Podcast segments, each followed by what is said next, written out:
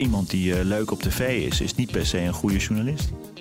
Welkom bij Work in Progress met Jan Nijroos. Ja, je ligt onder een vergrootglas. Je bent een persoon, je bent een autoriteit. En Maaike Bos. Op social media ben je jezelf als journalist. In gesprek met de hoofdredacteur van Het Parool, Ronald Okhuizen. En stel als iemand met een fantastisch idee of met een ambitie komt... en die figuur zegt, moet je horen, ik kan alleen schrijven... en ik ben dan wel 23, maar ik heb geen zin om filmpjes te maken... is de kans natuurlijk toch groot dat die binnen wordt gehaald. Leuk dat je luistert naar Work in Progress. De podcast van Intermediair over werk, carrière, work-life balance en persoonlijke groei. Met in deze aflevering. Vandaag zit bij ons aan tafel Ronald Okhuizen. Ronald schreef jaren bij de Volkskrant over toneel, media en film en stapt het journalistieke management in. Sinds 2015 is hij hoofdredacteur van het bureau. Ronald, welkom. Ja, dankjewel. Ja, de eerste logische vraag is denk ik, hoe gaat het eigenlijk met de krant? Nou, dat gaat uh, anders dan mensen altijd maar roepen dat het met kranten en papieren kranten helemaal niet goed gaat. Gaat eigenlijk heel erg goed. Parool is een gezonde krant. Uh, dus dat betekent dat je winst maakt hè, als je het uh, niet journalistiek bekijkt, maar economisch. het is natuurlijk wel heel. alle media in de hele wereld zijn natuurlijk in transitie als het gaat over kranten. En wij ook. Dus je bent heel erg bezig met digitaal allerlei dingen aan het uitproberen. Omdat je weet dat digitaal dat daar de toekomst is. Maar vooralsnog gaat het op papier ook goed. abonnementsvormen veranderen. Mensen namen vroeger per definitie zeg maar een vol abonnement, zes dagen per week de krant. Nu zie je dat mensen vaak ook zeggen: geef mij maar papier op zaterdag en door de week wil ik digitaal. Nou, en dat soort vormen bieden we natuurlijk allemaal aan. Dus je ziet wel dat, uh, dat je veel meer aanbiedt, dat je gevarieerdere pakketten uh, aan lezers aanbiedt. Uh, nou, en dat, dat met, met resultaat. Dus onze oplage is stabiel al nu een jaar of twee. Daarvoor is die jaren gezakt. Dus met stabiel zijn wij dan al best gelukkig. En online zijn jullie het afgelopen jaar gegroeid van 100.000 naar 150.000? Ja, maar unieke bezoekers boven de, dik boven de 200, 220, 230.000. Wij groeien behoorlijk gestaag en we verwachten het komende, of dit jaar, dus de, het jaar 2018, een stap te maken. Want we in een na de zomer, ergens in het najaar, de website en ook de, de, de, alle digitale podia zullen aanpassen. Vernieuwen weer, dat hebben we twee jaar geleden gedaan. ja. ja. Ja, maar het heeft te maken met techniek. Hè? Dus behalve dat wij dingen. We hebben de krant heel erg twee jaar geleden, toen ik uh, hoofdredacteur werd, is de krant veranderd. Papier en ook digitaal. Ook vooral in de vormgeving, in de presentatie, in het denken over wat je wil vertellen.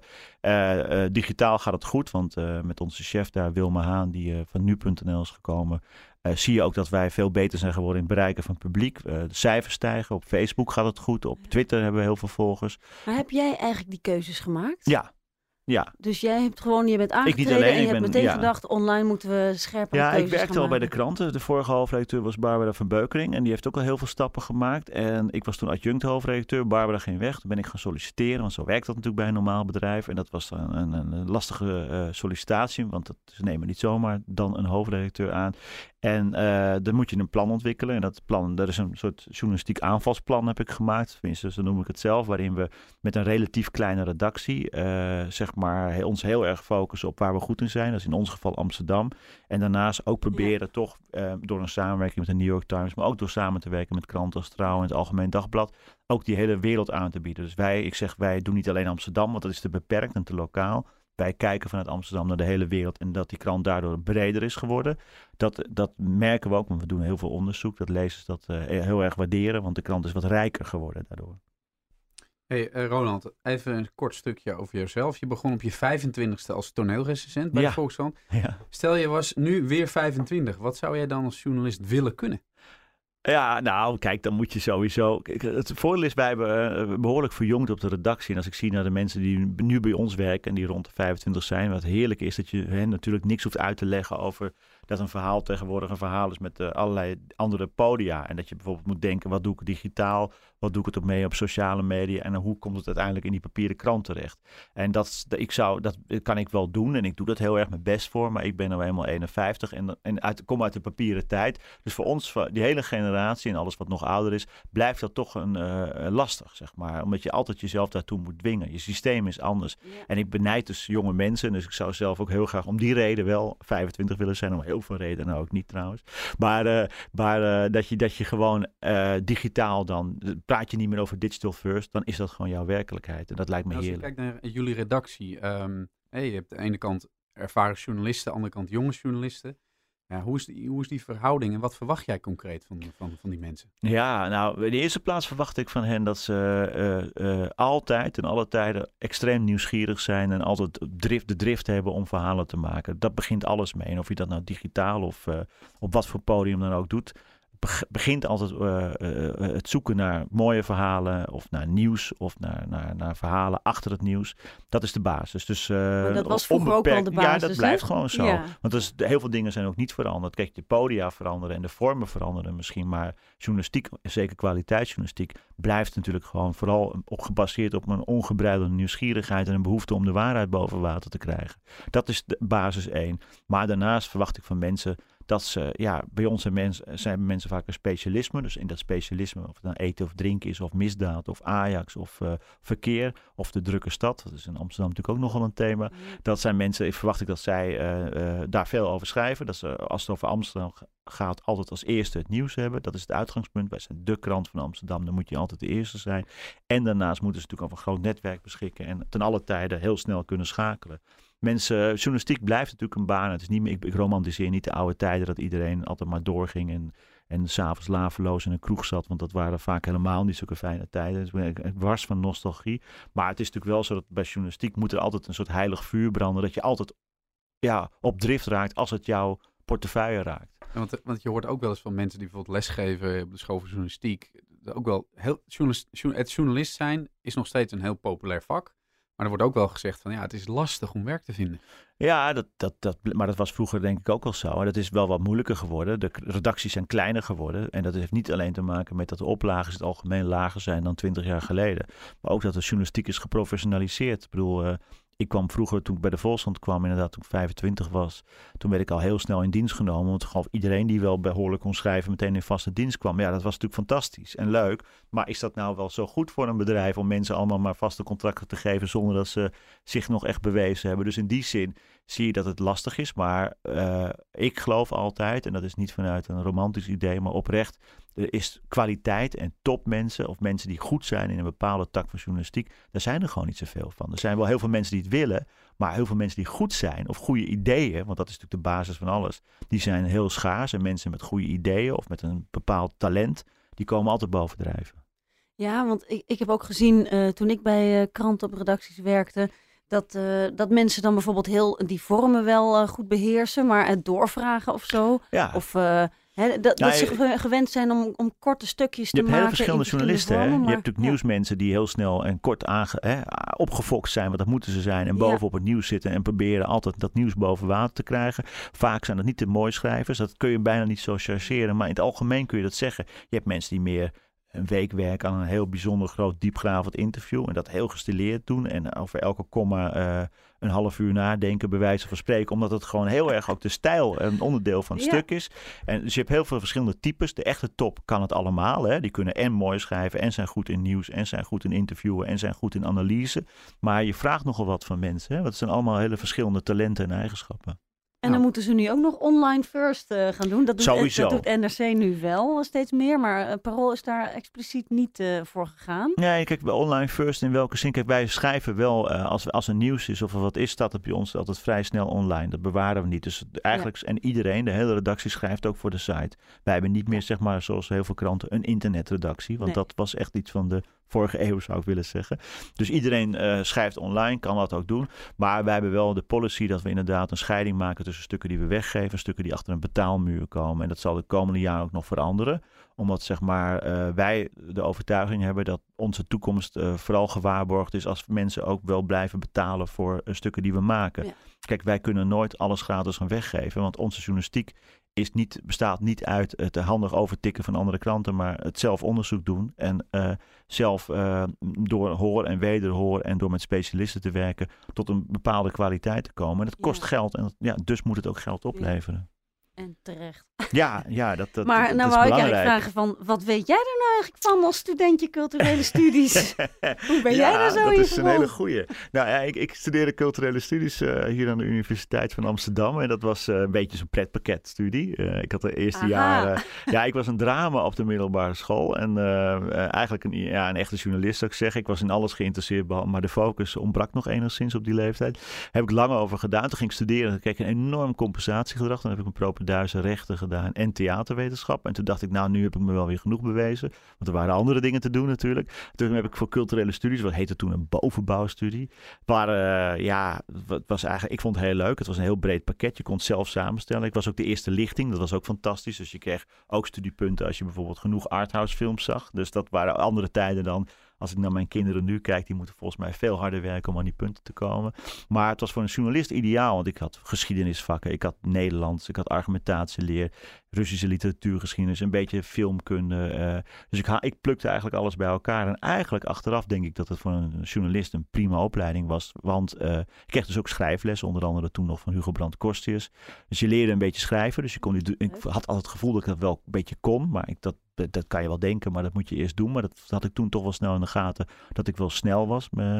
En, en, uh, en uh, ja, die, die brede basis heeft mij laten geholpen. Ik heb natuurlijk heel lang in de kunstjournalistiek gewerkt. Dus ik, ik kon vrij makkelijk schakelen tussen film, theater, beeldende kunst, dans. Nou, en die stap is nog logisch, hè? Van culturele studies. En dat is een soort homo universalis opleiding. ja. Dan ga je ja. zo op de toneelrecensies in en media en film.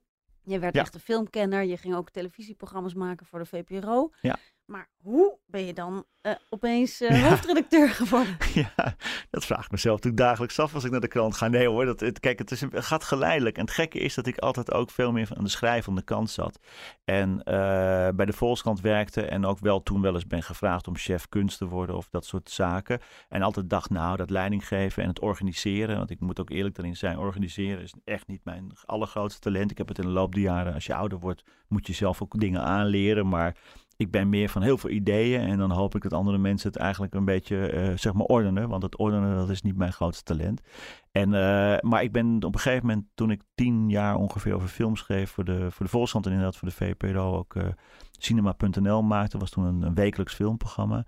Toen was ik een beetje, zoals alle mensen wel, op een gegeven moment zit je te lang op een plek. En ik was een beetje aan mopperen en ik vond ook niet dat het genoeg gezien werd. En andersom, de Volkskrant was toen ook een iets minder vrolijke krant dan die vandaag de dag is. En toen werd ik gevraagd door het Parool om naar het Parool te komen als chef kunst en media. En het gekke is dat Parool is een Amsterdamse krant, dus kunst en cultuur zijn heel belangrijk. Maar toen was dat even niet zo. Dat was, Parool had eigenlijk geen kunst en cultuur. En persoonlijk las ik altijd het Parool. Ik vond het altijd een fijne krant, omdat het een krant is met een iets beter humeur, met een zekere, ja, een zekere humor ook in zijn benadering van de wereld, met een soort lichtheid combinatie van... Ironie of zo, hè? Ja, het is heel serieus, maar tegelijk is het ook een beetje wel altijd van... Nou ja, gelukkig gebeuren er ook nog goede dingen in de wereld. En dat past ook wel bij mijn humeur, want ik ben doorgaans redelijk goed gehumeurd. Dus ik dacht, ik ga gewoon naar een andere krant. Het was dus wel van een grote ochtendkrant naar een wat minder grote krant. Die vooral, uh, ja, die wel landelijk is, maar toch vooral... Er zit een, beetje een verkapte tip in, hè? Zoek een bedrijf uh, wat bij je past, wat qua humeur een nou beetje op je eigen humeur... het is linker hè? Want in, dat denk je dan. En, maar het, het, klopte wel. En toen ben ik chef kunst geworden. Dus toen ging ik eigenlijk al leiding geven aan een klein clubje mensen. En toen ben ik na een jaar of anderhalf jaar gevraagd om in de hoofdredactie te komen als adjunct. Dus ik ben daar eigenlijk een beetje uh, toen ingerold. En toen zat ik inderdaad wel eens om me heen te kijken. Ik denk, nu zit ik in één keer in de hoofdredactie. Want dat had ik niet van tevoren bedacht. Maar, want nu ga je al die stappen, ga je heel, rol je heel snel doorheen. Maar in het echt, dan kom je op een gegeven moment tegen dat je moet communiceren. Dat je uh, consistent moet zijn. Dat je beslissingen moet, moet zijn nemen. Soms. Ja. Hoe gaat dat dan? Hoe weet je dan dat je, dat, dat je het in je had, zeg maar? Ja, dat weet je ook niet helemaal. Maar ik, dat kom je wel snel achter natuurlijk. En het bleek is nou mij. de grootste fout geweest? Ja, nou, ik heb wel, ik heb, nou, grootste fouten moet ik, zou ik echt over na. Ik maak ze zeker, maar zou ik moeten, je maakt best veel fouten of verkeerde keuzes. Want kijk, in de journalistiek is de, het tempo is extreem hoog. Hè. Wij zijn een avondkrant, we gaan half twaalf met papier naar de drukker. Ik ben er meestal rond een uur of zeven ochtends. Daarna hè, dan maak je die krant. Daarna ga je door met alle andere dingen. Daarnaast heb je nog een andere taak als hoofdredacteur. Je praat met marketing, je praat met sales, je praat met directie. Je gaat naar buiten. Je hebt ook in de stad een andere functie. Je doet talkshows. Dus, er zitten, dus als je zoveel keuzes en beslissingen maakt, dan, ja, dan maak je ook natuurlijk soms verkeerde keuzes en beslissingen. Dus er zijn er best wel veel, denk ik. Maar wat mij uh, heel erg is meegevallen, is dat ik, uh, dat ik een soort van dat mensen wel van mij dingen aannemen als ik dat met overtuiging vertel. Dat weet je niet. En dat, de een noemt dat, ja, ik weet niet. De een zegt, is, dat is dan Natuurlijk leiderschap hoor je tegenwoordig heb, je, vaak. heb je daar... Uh, ik heb geen cursus Je hebt geen gehad. cursus gedaan, ook niet begeleid. Het traject tegenwoordig nee. is natuurlijk heel erg... Ja. je kunt overal cursus zien doen. Ja. Je kunt jezelf voortdurend... De persgroep, onze uitgever, is ook heel genereus. Dus je kunt inderdaad ook uh, dat be begeleiden. Maar ik ben persoonlijk daar een beetje langs heen geglipt. Ik denk ook stiekem omdat ik zelf nogal hekel heb aan dat soort cursussen. Dan moet je in één keer in een groep met mensen hele gekke dingen doen. En, uh, en, en misschien ben ik ook eigenwijs te, te eigenwijs voor. Maar ik, ik heb zelf nooit een cursus gedaan. Dat is langzaam gegroeid. Mijn voordeel is wel dat ik dus al eigenlijk mijn hele leven, mijn werkzame leven in de journalistiek werk. Veel heb gezien, veel ervaring heb. En op een gegeven moment kon ik dat combineren met het, mijn idee over hoe die krant moet zijn en hoe die site moet zijn. Uh, ja, dan gaat het erover dat je dat een idee ontwikkelt en dat kan overbrengen aan een groep met mensen die ja. daar ook vertrouwen in heeft. En journalisten zijn natuurlijk niet de makkelijkste mensen, want ze zijn opgeleid om iedereen met gezag dus ook een eigen baas te wantrouwen. Ik, ik wil even heel erg inzoomen op wat jij net zei. Je zegt, ik ben er meestal s ochtends om zeven uur. De krant gaat om half twaalf naar de drukker. Ja. Dat zijn hele lange dagen. Ben je er ook dan iedere da dag zo, zo lang daar ja. aanwezig? Ik ben er, uh, nee, maar hij gaat half twaalf s ochtends naar de drukker. Maar ik ben nooit voor negen uur s avonds. Nou, dat klinkt heel sneu, maar ik heb een gelukkige omstandigheid dat mijn uh, kinderen dus al best groot zijn. Want als ze heel jong zouden zijn, zou het bijvoorbeeld met een privéleven ingewikkeld zijn. Maar mijn dagen beginnen inderdaad vroeg. Want ik lees ochtends ook veel kranten voordat ik naar de krant ga. Om iets zinnigs te kunnen zeggen tegen de chefs. Want anders denken ze, wat is dat voor een clown die hier uh, de koffie komt zetten? Dus ik ben voorbereid. Dus ik ben meestal zes uur op s ochtends. En ik ga vaak wel dan een uur of vijf, zes bij de krant de deur uit. Soms vier uur, soms drie uur. En dan heb ik altijd afspraken. En soms zijn dat er twee en ben ik zeven uur thuis. Maar soms zijn er ook wel eens afspraken of avondprogramma's. Of je gaat naar boekpresentatie of je moet ergens zelf opdraven. Of in een podcast. Dus, uh, het, ja, of in een podcast, dat kan ook. Dat doe je dan heel graag natuurlijk. Nee, maar dus de, de, als je de uren bekijkt, is het heel veel. En dat is, dat, dus het moet ook zeker gepaard gaan met passie, hè, met, met, met een liefde voor de krant waar je voor werkt. Anders is het niet vol te houden. Maar ik voel me vooral boven alles echt bevoorrecht, want het is natuurlijk een fantastische baan. Ja, maar dat, ho dat hoort ook wel een beetje bij het, uh, het vak. Dat het niet is geen 9 tot 5 baan, nee. sowieso niet. Nee, het is wel wat meer gestructureerd. We hebben veel mensen bijvoorbeeld bij ons in dienst die vier dagen werken. Dat was vroeger een taboe. Hè? En, uh, maar die hele macho cultuur van 24-7 en je moet maar doorgaan, daar geloof ik ook niet in. Ik ben zelf een werker. Ik, ik hou ervan om veel te werken en ik voel me daar ook goed bij. Maar ik vind wel, en dat doen wij ook. Ik, doe dat, ik zit samen in de hoofdredactie met Camille Leupen, onze adjunct hoofdredacteur. En wij hebben wel samen heel erg uh, uh, ook met elkaar afgesproken dat we met onze redactie daar wel heel erg over in gesprek blijven. Als mensen zeg maar uh, over de rand dreigen te gaan omdat ze te veel werken. Of soms zijn er periodes in je leven en heb je wat tegenwind. Daar, daar is wel ruimte voor. En vroeger was dat een beetje een taboe inderdaad. Was in de journalistiek van uh, niet zeuren en je bent pas echt een journalist als je altijd doorgaat. En dan tot vijf uur in de kroeg en dan moet je s ochtends weer met een kater door. Dat was een beetje stoer. Ja. Misplaatste romantiek, want je wordt er ook niet scherper van, van die katers.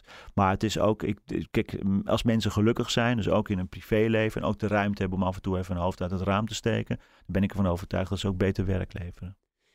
En jij als uh, hoofdredacteur, jij hebt dan dus, kijk, ik stel me zo voor, als je uh, de films schrijft, uh, hè, over films schrijft bij een krant, dan heb je heel erg je eigen toko. Dan heb Ja. je gewoon een soort lineair werk. De films komen uit, je schrijft erover, je houdt dat wereldje in de gaten en dat is het. Maar niet alleen moet jij nu leiding geven en beslissingen nemen, maar je moet dus ook op al die schaakborden schaken. Ja. En Ja. eh, dat combineren en zo. En als je dan zegt organiseren, dat is niet, niet zo'n sterke kant van. Ja, dat heb ik dan wel mij dan- bijgeleerd. Zonder lijkt cursus. mij lastig, want al die planningen en die afspraken en Ja. zo. Ja, dat, dat, dat is, dat is daarom, eh, de basis is dat ik dat natuurlijk met heel veel plezier doe. En met Ja. een zekere trots zelfs. eh, om- omdat ik de anders hou je dat niet vol. Maar ik, heb, ik ga echt serieus elke dag wel eh, met ontzettend goed humeur en fluitend zou ik willen zeggen naar mijn werk. Omdat ik denk, we gaan weer een krant maken. Daar heb ik altijd zin in, heel erg. En eh, kijk, intern heb je, wij hebben, we worden eh, goed verzorgd door de persgroep. Het is een, voor ons een goede uitgever. We worden inhoudelijk volledig vrijgelaten. Ik heb nooit lastige discussies over keuzes die je maakt. Eh, je hebt natuurlijk wel allerlei rapportages. Je praat met sales, je praat met marketing. Je praat over hoe komen we als krant naar buiten. Je praat over je cijfers. Je kijkt naar wat je uitgeeft. Eh, moet dat, kan dat niet wat minder, is toch meestal de vraag. Mm. En meestal niet kan het wel wat meer zijn. Dus dat, en dat zijn natuurlijk de minder leuke kanten. Ik bedoel, ik ben niet eh, journalist geworden om een uur of een drie of vijf uur lang ergens in een zaaltje in een eh, wat troosteloos hotel met vieze koffie te praten over of het budget niet, eh, zeg maar, eh, pak een beetje een paar ton per jaar omlaag kan. Dat wil je niet, maar dat hoort er ook bij. Ja. Maar op een gegeven moment heb ik dus ge- geleerd, en dat was mijn geluk, of dat is zo ontstaan, dat ik dat heel erg leuk ben gaan vinden. Dus ik ben dat, dat hele pakket met je budgetbewaking, eh, kijken naar naar wat voor geld je hebt. Hoe geef je het uit? Waar investeer je in? Is er geld voor onderzoeksjournalistiek? Is er geld voor een samenwerking wat wij dan doen met de New York Times, zodat je vaak stukken kan laten vertalen, waardoor je internationale kwaliteitsjournalistiek je krant binnenhaalt. Dat is uh, heel te ben je een beetje aan het schuiven hè, met paneeltjes of met potjes met, uh, hè, met, alsof je aan het koken bent. En dat is ontzettend leuk. En daarnaast al die taken en dingen die je hebt, je moet wel een wat ja, een, een chameleon zijn. Dus, want soms zit je met je uitgever te praten en dan heb je toch een iets andere houding dan wanneer je zelf als journalist op pad bent. Of dan is het ook weer net wat anders dan wanneer ik met een, uh, ja, uh, in, de, in de balie, zeg maar, een, een, een avond over de verkiezingen inleid. Ja, dat zijn allemaal verschillende rollen die je speelt. Het is wel leuk dat je zegt dat, dat zakelijke, daar ben je een autodidact in. En dat kan dus nog.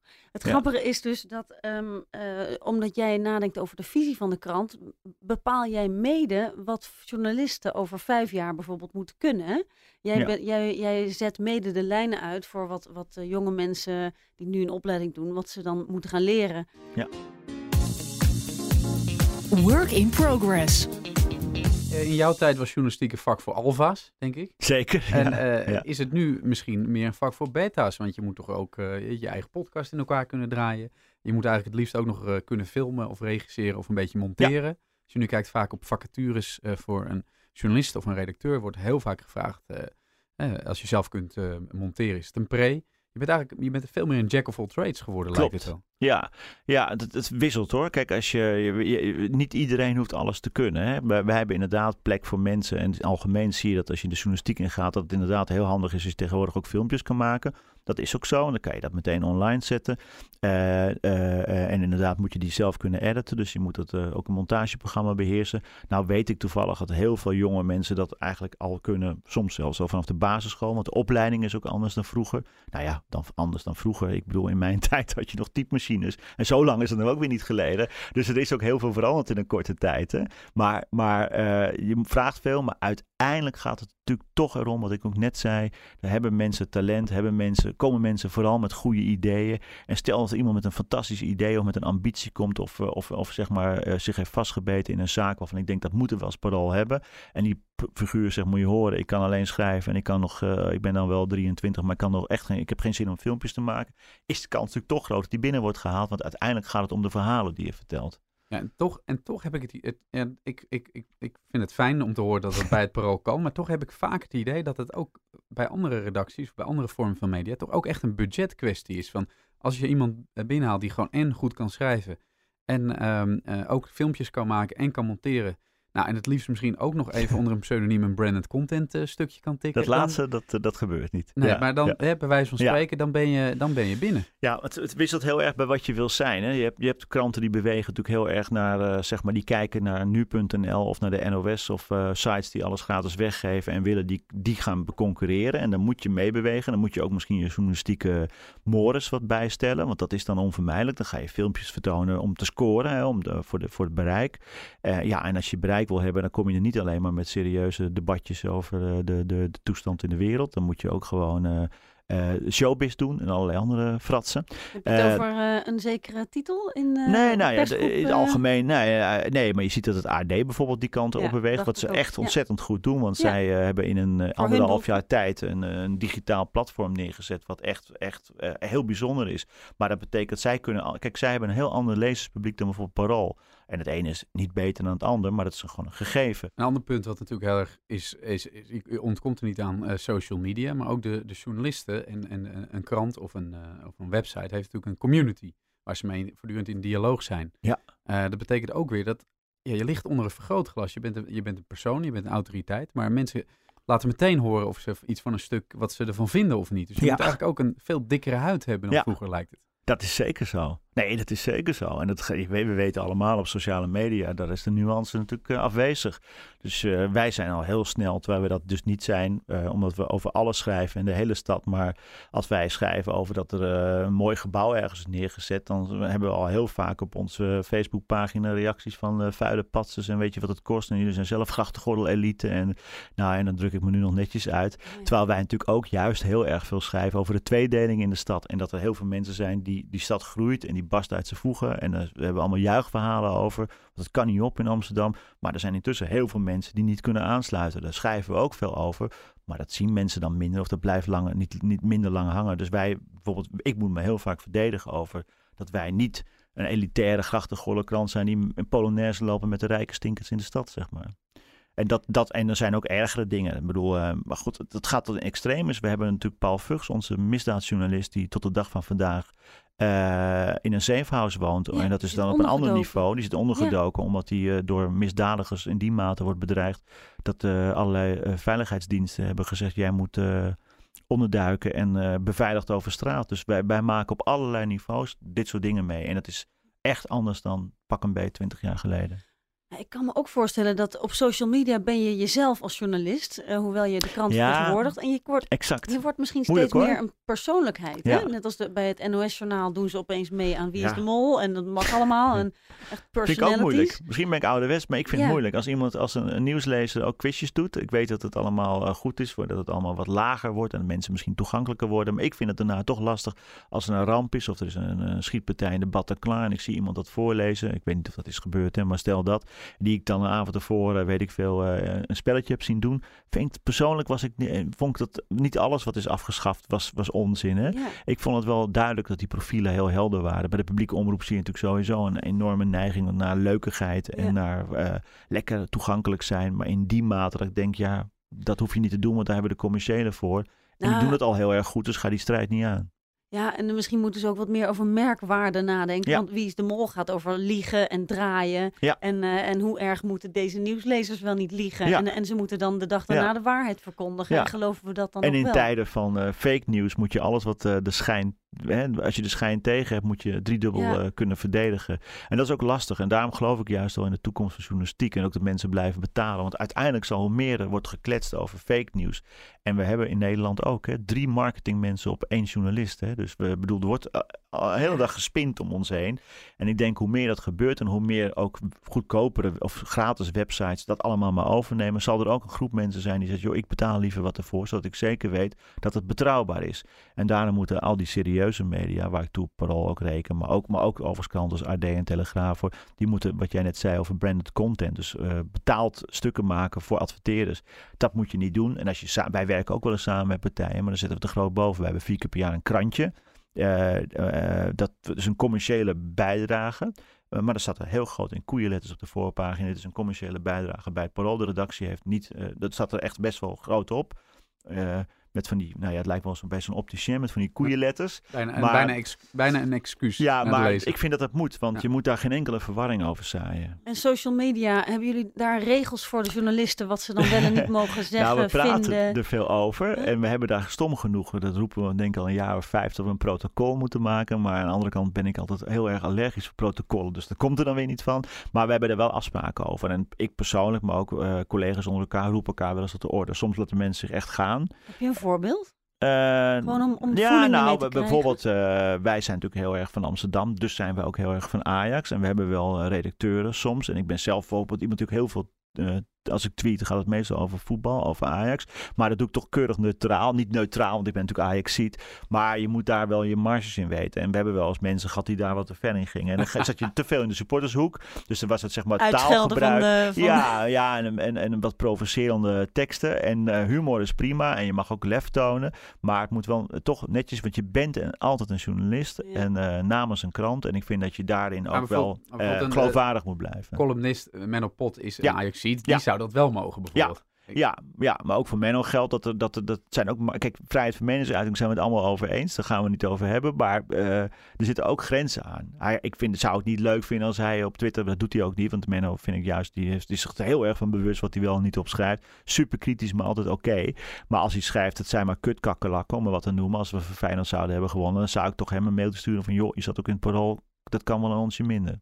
Maar uh, meestal hebben de mensen zelf uh, zelfreinigend vermogen, gelukkig. Toch nog even terug naar die, uh, de, de, journalist als personality. Um, persoonlijk was ik, ben ik heel groot fan van De Slimste Mens. Ja. Het jammer dat het weer afgelopen is. Ja, ik ook. En Sander Schimmelpenning heeft gewonnen. Ja. die, ik denk dat door zijn optreden, zijn manier van optreden ook, maar ook omdat hij heeft gewonnen, dat het uh, quote geen windeieren heeft gelegd. Nee, ben ik het heel erg mee eens. Dat heeft hij heel goed gedaan. Het is ook een leuke jongen en je hebt sympathie voor hem. we, hebben meer, we, we, hebben meer journalisten daar gezien en ook zien winnen natuurlijk. Bij ons heeft Hiske Versprillen, onze etenrecensent, heeft er twee jaar geleden geloof ik ingezeten. Kregen daar heel veel mails over. Mensen vonden het super leuk. Dus in het algemeen heeft het een hele hoge gunfactor. Uh, ook als je een beetje goed bent, dan mensen nemen je ook wat serieuzer. Terwijl het natuurlijk toch een spelletje blijft. Hè? Een beetje mazzel moet je ook hebben. Maar dat is wel zo.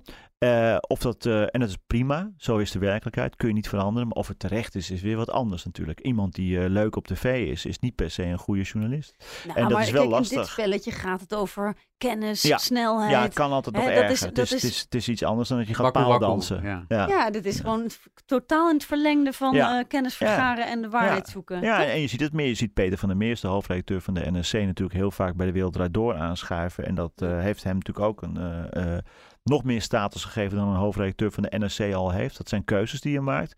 Uh, ik denk dat dat niet zo erg is. Ik denk dat je wel altijd heel erg moet blijven. Dat geldt voor mezelf. Dat het wel altijd in het verlengde moet zijn van je werk. Of vanuit je passie. Of dat je als persoon inderdaad. Al, omdat ik inderdaad al, al sinds 82 seizoenkaart van Ajax heb. Zou ik ook best nog wel eens in een interview over Ajax willen vertellen. Want daar heb ik natuurlijk een mening over. Maar het moet wel binnen die marges zijn. En ik zou het gek vinden als je als journalist op komt draven op een gegeven moment Kijk, als er mij, als ik roep maar wat, als er nou iets gebeurt uh, met een kerncentrale en ik moet weer opkomen draven. Als ik daar helemaal geen bal van af weet, is het toch beter dat ik mijn mond erover hou. Ja, dat, dat zie je natuurlijk ook bij journalisten die inderdaad over alles een, een mening ja. uh, denken te hebben.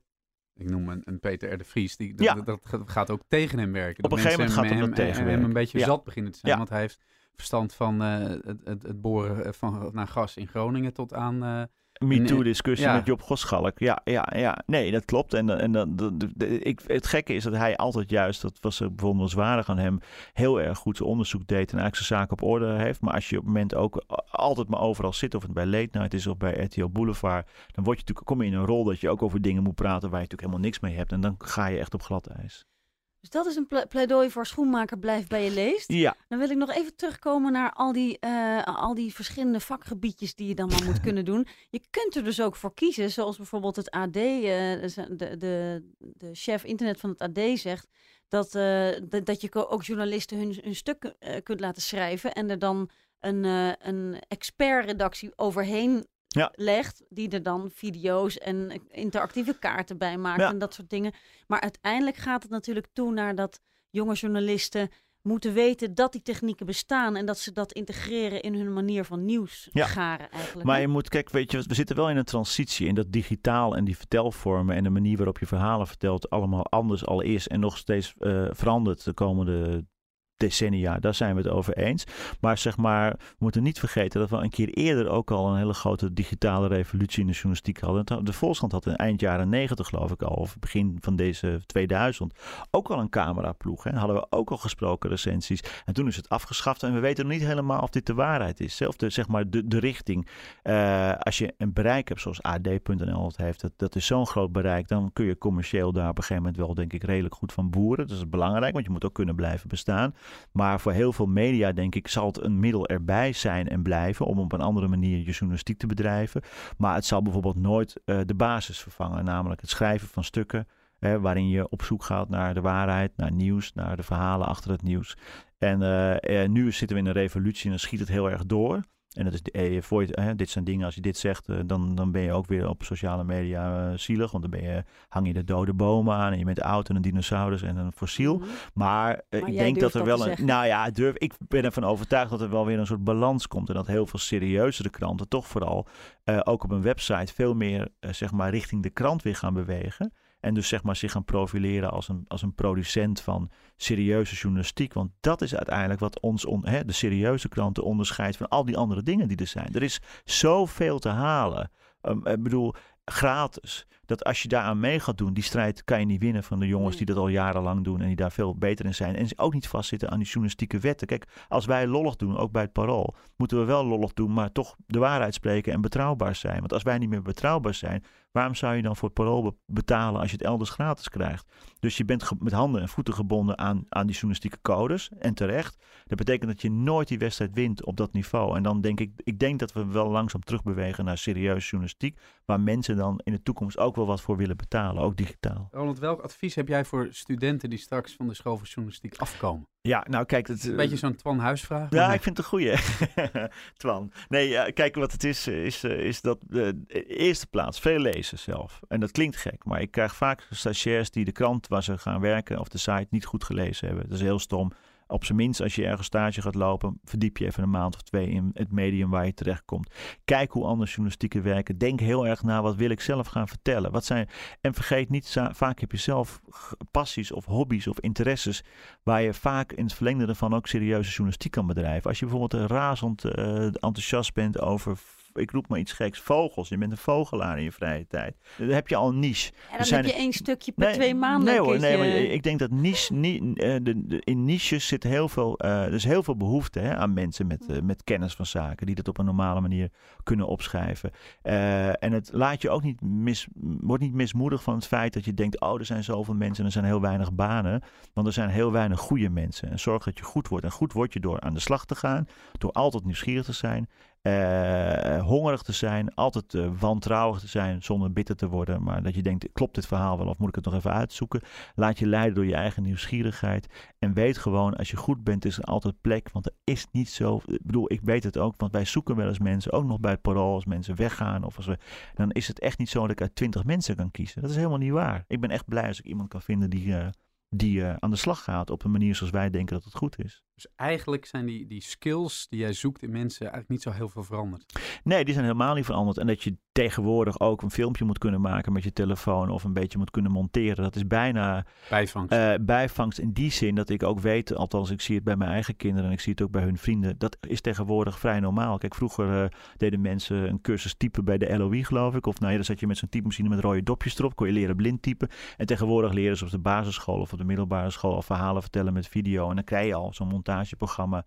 En ik denk dat heel veel mensen dat al kunnen. Dus dat, dat, dat heb je erbij. En vervolgens kun je kijken of je dat journalistiek kan toepassen. Nou, voor snel online kan dat wel. Maar als je voor de zaterdagkrant een grote een longread mag maken, wat we ook veel doen, dan heb je wat minder dan dat filmpje. Dan moet je toch wel goed kunnen schrijven, goed kunnen nadenken. Nou, en wat, wat dat illustreert is eigenlijk de hele wildgroei aan vloggers. Eh, dat vloggen, dat leren mensen zichzelf aan. Ze kunnen filmpjes maken, maar ja. zit er ook een beetje wat in. Wat kijk, maar vloggen, kijk, nee, maar vloggen is uh, bijna altijd amusement en er is niks mis mee. Ik vind het vaak ook best leuk, weet je wel, dat hangen en een beetje vertellen. Maar uh, als je nou over branded content hebt, bedoel, dus dat, dat duurt niet meestal langer dan twee minuten dat een vlogger zegt, ik zit in een lekker hotel, dus daar en daar vijf sterren kamers kosten 200 euro deze week. Want dat is natuurlijk allemaal reclame. En ik denk dat mensen dat helemaal geen bal kan interesseren. Omdat dat is wat het. Mensen maken zich daar niet druk over. Dat is wat het is. Maar daarom moeten wij daarvan uit de buurt blijven. Je hebt hele leuke jonge mensen die heel goed kunnen vloggen. Maar journalisten kunnen alleen maar vloggen op een serieuze manier over serieuze zaken. Kijk, je kunt wel over bijvoorbeeld wie, de mol, wie is de mol een vlog doen of over een leuk programma. Je kunt wel lichte onderwerpen hanteren, maar je moet het altijd anders doen dan al die mensen die zich laten betalen door of het nou hotels zijn of modemerken of wat dan ook. En, uh, en ik denk dat je daar nooit een concessie in moet gaan doen, omdat dan verlies je juist waar je uniek in bent, namelijk dat je 100% betrouwbaar bent. En dan echt de laatste vraag. Um, dat, is meer, dat is een beetje koffiedik kijken. Zie jij gewoon de krant zoals die er nu is over 10 jaar, 15 jaar? Is die er nog? Uh, de papieren krant. Ja, ik, ik, die is er nog wel, maar ik sluit niet uit dat hij er dan alleen op zaterdag is. Uh, want de zaterdagkrant zien we uh, bij ons, maar in het algemeen in, in Nederland is dat zeker zo. de laatste tijd zelfs licht stijgen, omdat mensen het een luxe artikel vinden. om op zaterdag met die krant en vaak met een magazine erbij. ja, genieten van de wat grotere en mooiere verhalen die daarin staan. Dus dan, die is er zeker. Dat betekent ook dat mensen door de week digitaal gaan lezen. En dat heeft denk ik te maken met uh, het feit dat wij via onze telefoon of wat voor of iPad of wat dan ook, de hele dag toegang tot nieuws hebben. Dus we zijn allemaal wel de hele dag aangelijnd. Dat, worden we, dat is goed, want we weten meer dan ooit worden er ook soms allemaal een beetje gek van, want je wil soms ook wat rust in je hoofd. Dus die behoefte om elke dag die hele krant door te bladeren, die zal door de week niet groeien. Dat zal een beetje, ja, je zal een kleine kern houden die dat wil. Maar ik denk dat de grootste groep mensen liever dat digitaal gaat doen. Maar ik geloof heel erg in de, de kracht van de zaterdagkrant. Dan dat mensen behoefte hebben in het weekend om op een andere manier nieuws tot zich te nemen. En dat gebeurt dan op die wat meer eh, ja, rustige manier. Dat je verhalen leest. Dat alles wat de hele week aan je voorbij is geflitst, op wat voor manier dan ook, digitaal. Dat je dat uh, eindelijk dan daar op zijn plek gaat vallen. Dus die krant zal bestaan. Ik denk de papieren krant door de week, durf ik niet te zeggen. Het zou best kunnen dat hij over tien jaar bestaat, maar hij zal dan wel van een kleinere groep worden gemaakt en dus duurder zijn. Ronald, uh, dankjewel. Uh, dit was Work in Progress, de podcast van Intermediair over werk, carrière, work-life balance en een persoonlijke groei. Dank aan onze gast Ronald Okhuizen en we zijn er binnenkort weer. Als je nou een leuke vraag hebt over werk of een goede gast voor ons als suggestie, tweet dat het intermediair of laat een berichtje achter op Facebook.